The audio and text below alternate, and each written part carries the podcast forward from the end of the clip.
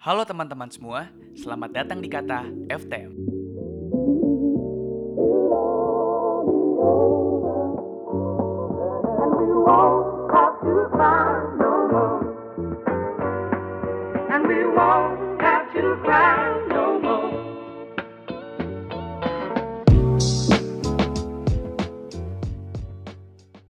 Halo Sobat FTM sekalian, selamat datang di podcast Kata FTM. Untuk episode kali ini, pada hari Jumat yang berbahagia ini, aku, Farhan Izarul, akan kembali menemani Sobat FTM sekalian dengan informasi-informasi menarik seputar dunia permineralan. Yang pastinya, informasi ini akan berguna serta bermanfaat banget nih buat nambah wawasan kita semua. Sebelum masuk ke materi, aku mau nanya nih, gimana kabar Sobat FTM sekalian selama PPKM ini? Pasti gabut banget gak sih? Soalnya kita tuh nggak bisa ke mana-mana, nggak bisa jalan-jalan sama temen, nggak bisa main-main, nggak bisa jalan juga sama pacar. Karena kalau mau jalan pun banyak tempat yang ditutup dan beberapa tempat yang masih beroperasi pun harus diperketat guna meminimalisir kok penyebaran COVID-19.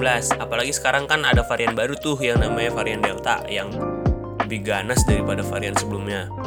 Nah, dengan regulasi baru yang lebih ketat, tentu saja berdampak ke beberapa sektor, termasuk sektor esensial yang harus menerapkan regulasi atau kebijakan baru yang menyesuaikan peraturan pemerintah agar sektor tetap berjalan optimal di masa serba terbatas ini.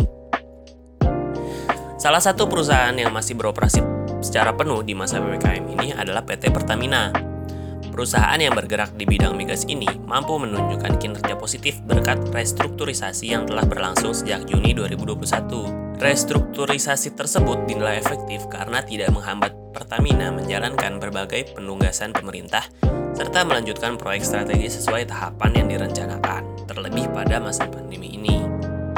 PJS Senior Vice President Corporate Communication Pertamina, Fajriah Usman, menjelaskan bahwa pada kuartal 1 tahun 2021, sektor hulu subholding upstream Pertamina mencatat produksi minyak dan gas sebesar 861.000 barel setara minyak per hari MBO EPD. Bahkan sejak 2021 pun, subholding upstream mampu menambah cadangan 1P hingga 120% serta tambahan sumber daya 2C sebesar 143% dari target rencana anggaran dan target perusahaan atau RKAP tahun 2021. Pada semester 1 tahun 2021, capaian lifting minyak dan gas bumi rata-rata sebesar 1,64 juta barel setara minyak per hari MBO EPD atau 95% dari target APBN yang ditetapkan untuk tahun ini yaitu sebesar 705.000 BOPD. Sedangkan lifting gas sebesar 5.430 MMS CFD dari target APP, APBN sebesar 5.638 MMS CFD atau sudah tercapai hingga 96%. SKK Migas dan K3S berkolaborasi merelaksasikan program Filling the Gap atau FTG untuk mengejar target lifting. Program tersebut pun telah memberikan tambahan minyak rata-rata sebesar 1.900 BOPD. Selain itu, PT, Perma- PT Pertamina juga mengaku ke depannya mereka akan meneruskan program FTG dan mengajak K3S untuk melakukan akselerasi, akselerasi WPB sehingga diharapkan bisa memenuhi target APBN 2021. Tidak hanya itu, SKK Migas juga melakukan berbagai usaha lain untuk mengejar capaian target. Contohnya seperti mengupayakan tiga insentif hulu migas agar dapat disetujui oleh pemerintah. Dikatakan bahwa penerimaan negara mencapai 667 miliar US dollar atau ekuivalen sekitar 91% dari target 728 miliar US dollar. Penerimaan yang terbilang besar tersebut merupakan hasil usaha hulu migas dalam, mengop- dalam mengoptimalkan kegiatan dan biaya. Langkah yang diambil antara lain pemilihan prioritas kegiatan work order dan maintenance routine and inspection, serta efisiensi general administration khususnya akibat adanya pembatasan kegiatan.